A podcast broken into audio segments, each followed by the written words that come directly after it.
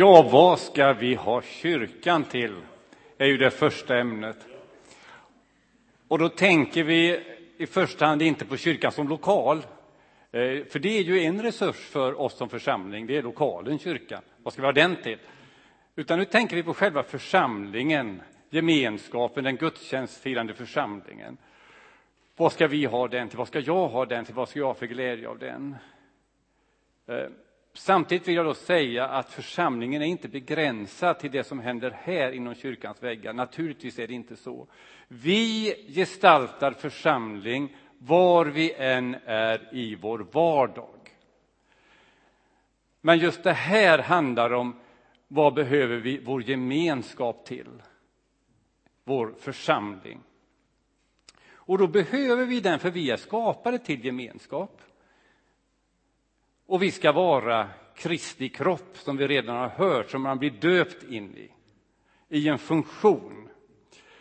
När vi säger så här, vad ska jag ha kyrkan till? Då kanske vi känner att det är lite egoistiskt. Då, vad ska jag ha kyrkan till? Men det här är någonting som går mycket långt utöver det egna jaget.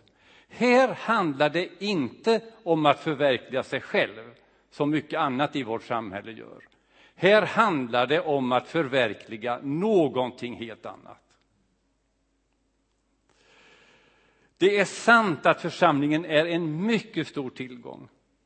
Vad skulle jag ha gjort och vad skulle det blivit av mig om jag inte haft församlingen när mitt liv gick sönder?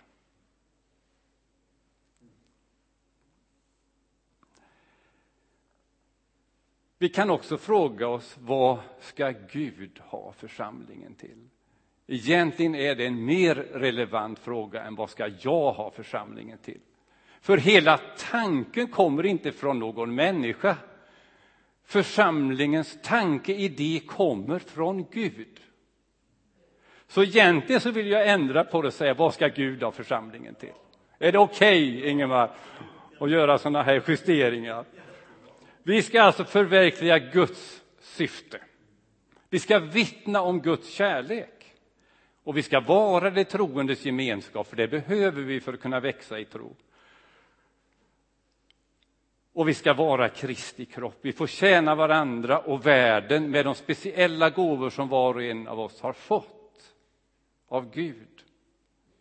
Och förbönen för varandra i en församling vill jag särskilt lyfta fram den är så fantastiskt viktig och en oerhörd tillgång. Att vi får i varje gudstjänst erbjuda förbön. Vilken gemenskap vi har. Och den är annorlunda än nästan alla andra gemenskaper. Visst är det så? Mm. Församlingen har en mycket stor uppgift i världen därför att vi ska göra Gud synlig. Har ni hört det här? Många säger varför gör sig Gud inte synlig? Vi ser ju honom aldrig. Kan det vara så att vi har missat att göra Gud synlig?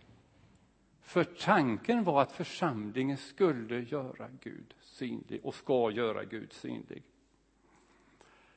Och det är en global uppgift och det är en lokal uppgift. Man kan fråga sig var finns Gud i sådana här naturkatastrofer som vi har hört om nu, jordbävningar och så? Tusentals människor får sätta livet till. Eller när en nära församlingsmedlem drabbas av en obotlig sjukdom och, och vi mister den. Då säger jag, jag har sagt det många gånger, ni har hört det förut, Gud finns i alla hjälpande händer. Vi är eh, Guds kropp. Och där ska vi finnas och hjälpa. Och vi får en möjlighet idag att göra det. Och den möjligheten har vi alltid, i nära och i fjärran. Hur ska vi kunna finnas till för människor som bor här i Åbyområdet? Vad kan vår lokala församling göra för att bli kyrkan mitt i byn? Jag menar att vi är det. Vi har sånt som går under namnet Åbytanken, Attraktiva Åby, Åbydagen. Vår församling är mitt i centrum av allt detta. Och där ska vi vara. För vi är en församling som ska göra något för världen. Församlingen gjorde Gud synlig igår på Alberts torg. Jag vet inte hur många av er som var med, och jag var inte med. Men jag har hört detta. Vilken ljuvlig stämning och atmosfär det blev på Alberts torg när vår pastor Ingemar Tidefors gav de samlade välsignelsen.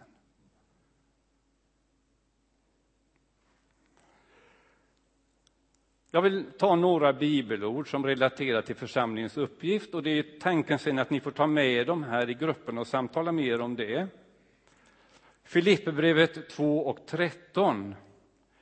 Ty det är Gud som verkar i er så att ni både i vilja och gärning förverkligar hans syfte. Inte våra egna syften. Utan hela grejen är att vi ska förverkliga Guds syfte som församling. Vi ska ställa oss till Guds förfogande för att genom kyrkan, församlingen, förverkliga hans syfte. Och det här är så stort så man blir ju bara oerhört berörd att Gud har gett oss det stora ansvaret och den stora uppgiften att förverkliga hans syfte. Man kan inte tänka sig någon viktigare uppgift och större uppgift, också svår naturligtvis, men då har vi all hjälp vi kan få av den helige Ande i alla sådana lägen. Jesus säger i Matteus 5 och 13, ni är jordens salt, men om saltet mister sin sälta, hur ska man då göra det salt igen? Det duger bara till att kastas ut och trampas ner av människor. Församlingen ska vara ett alternativ, ett salt, någonting som är lite annorlunda, inte alltid politiskt korrekt, säger faktiskt den här texten. Utan vi ska vara något positivt alternativ som ger tillvaron ett mervärde, en plusfaktor i livet, ska församlingen och kyrkan vara.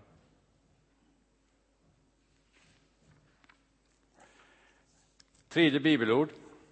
Petrus säger, och det här är ett ord som jag faktiskt älskar, men lyssna först. Tjäna varandra, var och en med den nådegåva han har fått som goda förvaltare av Guds mångfaldiga nåd. Visst är det fantastiskt att nåd och tjänst, de två stora orden, kopplas ihop i den här texten. Och då kan man undra, vad är det som vi i första hand som församling ska förverkliga och göra större och göra mer? Ja, det är klart att vi vill ha mer medlemmar, självklart, det är jätteviktigt. Vi vill ha mer pengar också. Men vad ska vi i första hand eh, förvalta och skapa mer av? Guds mångfaldiga nåd. Den ska vi göra större genom församlingen. Och vad betyder det i praktiken då? Jo, det förverkligas genom att många tjänar varandra och församlingen med de naturliga och de övernaturliga gåvor som vi har fått. Församlingen ska vara både hem och verkstad. Och nu tar jag vad jag har skrivit ner här, för jag har ju en begränsad tid här. Hem. Här kan man komma för att få gemenskap, omsorg, vila, näring, uppmuntran, tillrättavisning. Det är hemmet. Det ska också vara en verkstad. Här kan vi få utlopp för vår kreativitet, skaparförmåga, visioner, kallelse, ambitioner. Man får göra fel och börja om. Det får man göra i en verkstad. Det gjorde jag som barn. Min farfar var ju snickare, så jag fick ju verkligen pröva på det här. Och då var det faktiskt så när jag kom från skolan Eh, så slängde jag bara in skolväskan hemma. Om det var en normal, säg en bra skoldag, om det hade varit en, en, en, fin, normal, som det oftast var, så slängde jag bara in skolväskan och ut och leka om det var fint väder, eller till farfars verkstad, och så vad de höll på med där. Och det fantastiska var ju när man fick hjälpa till att trampa bandsågen eller svarven och fick se hur det funkade. Mm. Men hade det varit en lite jobbigare dag, då slängde jag inte bara in väskan, då gick jag också in. Och min mamma såg det. Då var det något speciellt. Då behövde jag hemmets omsorg. Så ska det vara i en församling. Ibland behöver vi det och ibland behöver vi faktiskt bara jobba för Gud. Församlingen är inget museum, ingen scen för uppträdande. Även om det finns folk som är här framme så är det inte det det handlar om. Och det är ingen idoltävling. Församlingen är en mänsklig gemenskap och en gudomlig gemenskap. En gemenskap som bygger på Guds principer. En församling är aldrig perfekt, i synnerhet inte om jag ska kunna vara med. Men vi ska naturligtvis arbeta för att den ska vara bättre och bättre. Nu gör jag en sammanfattning, för nu har jag halva tiden där. En sammanfattning som är så här, min församling. Mm. Och nu är det ju så att, ja, det som jag skulle vilja beskriva den församling som jag vill ha. Jag säger inte att vår församling är precis så här, men eh, jag skulle önska det då. Och sen får ni ta det till grupperna och ni får gärna tycka så här, men det var inte bra. Jag vill ha en helt annan församling. Det är ju därför vi har de här samtalsgrupperna. Så ni får gärna justera detta, men ta detta som ett samtalsunderlag. Kan vi göra det? Och då säger jag så här. Min församling, dit ska man kunna komma som man är i sin trasighet och sin brustenhet.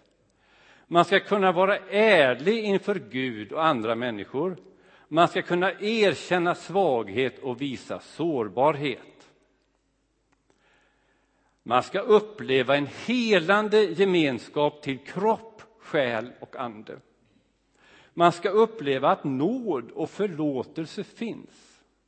Man ska uppleva att upprättelse finns. Vi ska se varandra och bekräfta varandra. Församlingen ska vara en plats där bön och förbön praktiseras. Där Bibeln är vägledande och där den helige Ande har stort spelrum.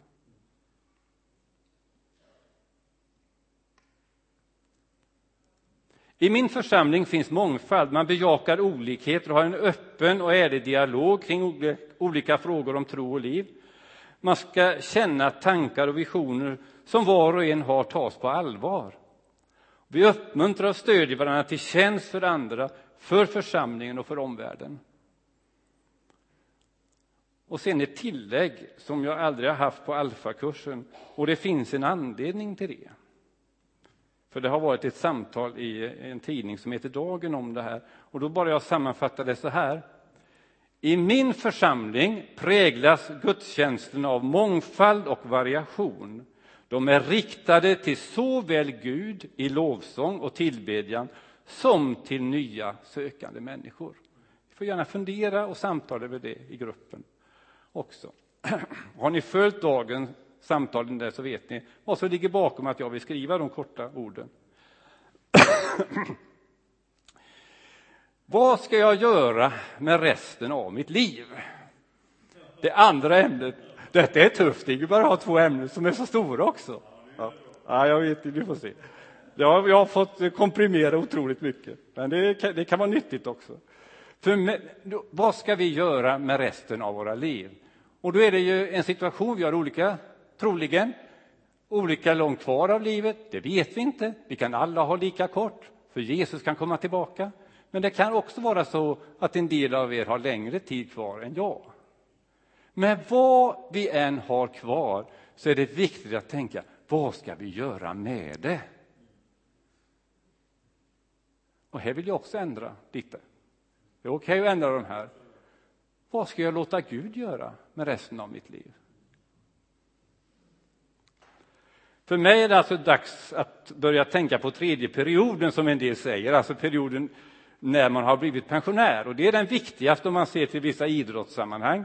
Så är det den tredje perioden där det avgörs i ishockey. Men det kan också bli förlängning. Och det är ju också härligt. Jag tror faktiskt på en förlängning. Ja. Och då har jag en gång frågat Ingemar hur lång kan förlängningen bli? Den kan bli hur lång som helst. Och det, ja, i slutspelet. Och det är faktiskt det som jag på något sätt, jag, jag räknar med det, säger vi. Sen gör vi ingen större sak om det. Man kan tala om golden goal, man kan tala om sudden death, men vi, vi, vi tar inte det nu. Det, allt detta kan inträffa, men nu fokuserar vi på vad ska vi göra med resten av vårt liv. Livet är så väl inrättat att om man hjälper andra så hjälper man sig själv. Detta säger psykologer idag. Om man gläder andra så blir man själv glad. Modern forskning inom psykologi hävdar detta mycket bestämt. Och det är ju så som Bibeln har sagt hela tiden, så det är bara fantastiskt att man i dessa dagar kommer fram till att det var rätt. Eh, Romarbrevet 12 och 10. Överträffa varandra i inbördes hedersbevisning eller ömsesidig aktning. Den rätta tävlingen som kristen, den rätta kampen, det är att locka, leka, älska fram det bästa hos medmänniskan. Det är ju så som Gud gör. Han lockar, han leker, han älskar fram det bästa hos oss. Och vi ska likna Gud i det här. Vi ska inte tänka så, jag ska vara bättre än de andra. Nej, det är fantastiskt bra om man kan locka fram något riktigt, riktigt bra hos de andra. Då funkar gemenskapen, då växer den. Talet om att förverkliga sig själv är både felaktigt och förrädiskt. Du är värd detta är kommersialismens knep. Det har inte med sann tillfredsställelse att göra, säger de som faktiskt vet det här. Och någon har sagt, någon psykolog har sagt, allt jagande efter lycka gör oss olyckliga.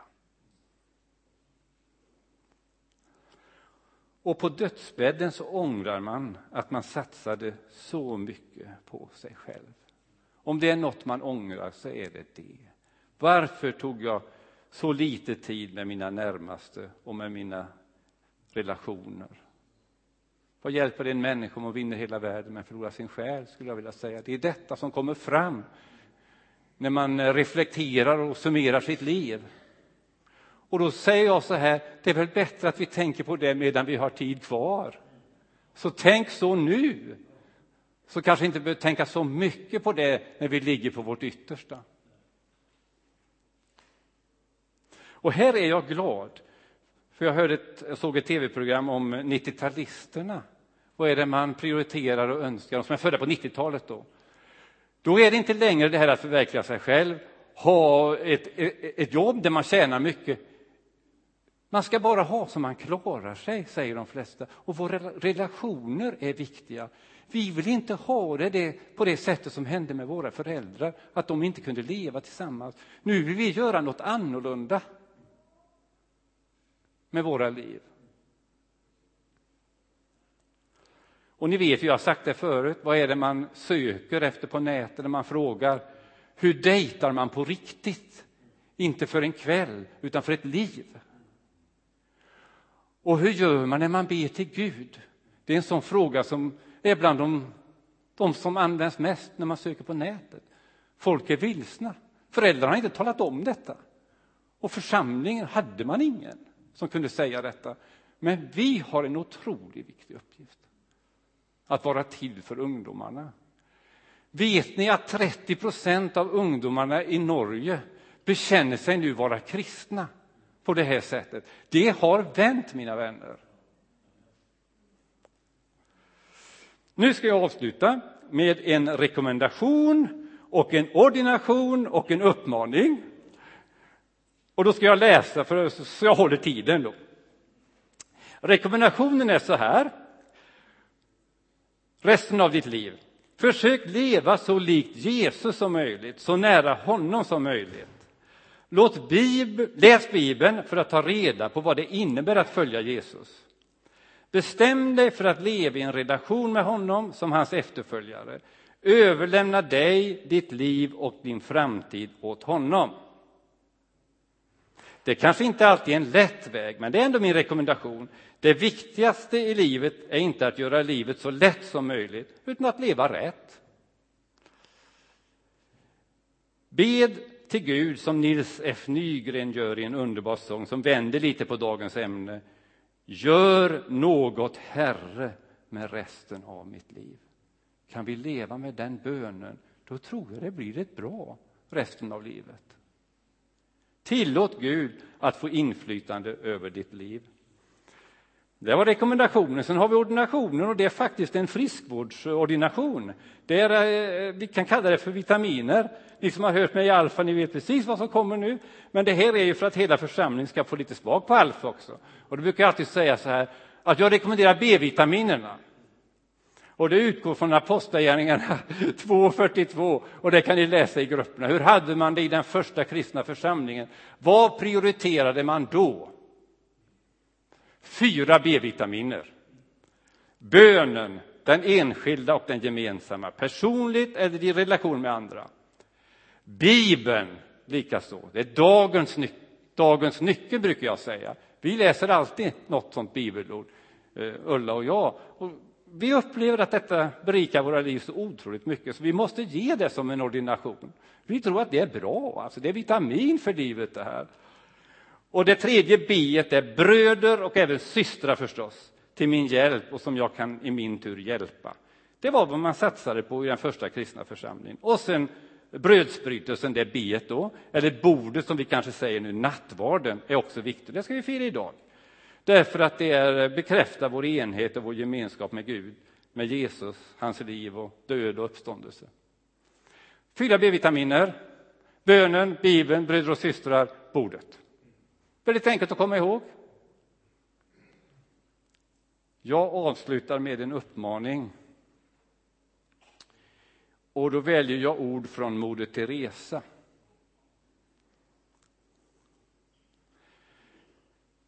Människor är ofta oresonliga, illojala och egoistiska. Förlåt dem ändå. Om du är generös kommer du kanske att anklagas för själviska motiv. Var generös ändå. Om du är framgångsrik kommer du att vinna falska vänner och sanna fiender. Var framgångsrik ändå. Om du är ärlig och uppriktig kommer människor kanske att utnyttja dig. Var ärlig och uppriktig ändå. Det du tillbringar år av att bygga upp kan någon annan rasera över en natt. Bygg ändå. Om du finner frid och lycka kommer kanske någon att bli avundsjuk. Var lycklig ändå. Det goda du gör idag kommer kanske att vara glömt imorgon. Gör gott ändå. Ge världen det bästa du har och det kanske inte räcker. Ge det bästa du har ändå. För i slutändan är det här en sak mellan dig och Gud. Det är trots allt aldrig en sak mellan dem och dig i första hand.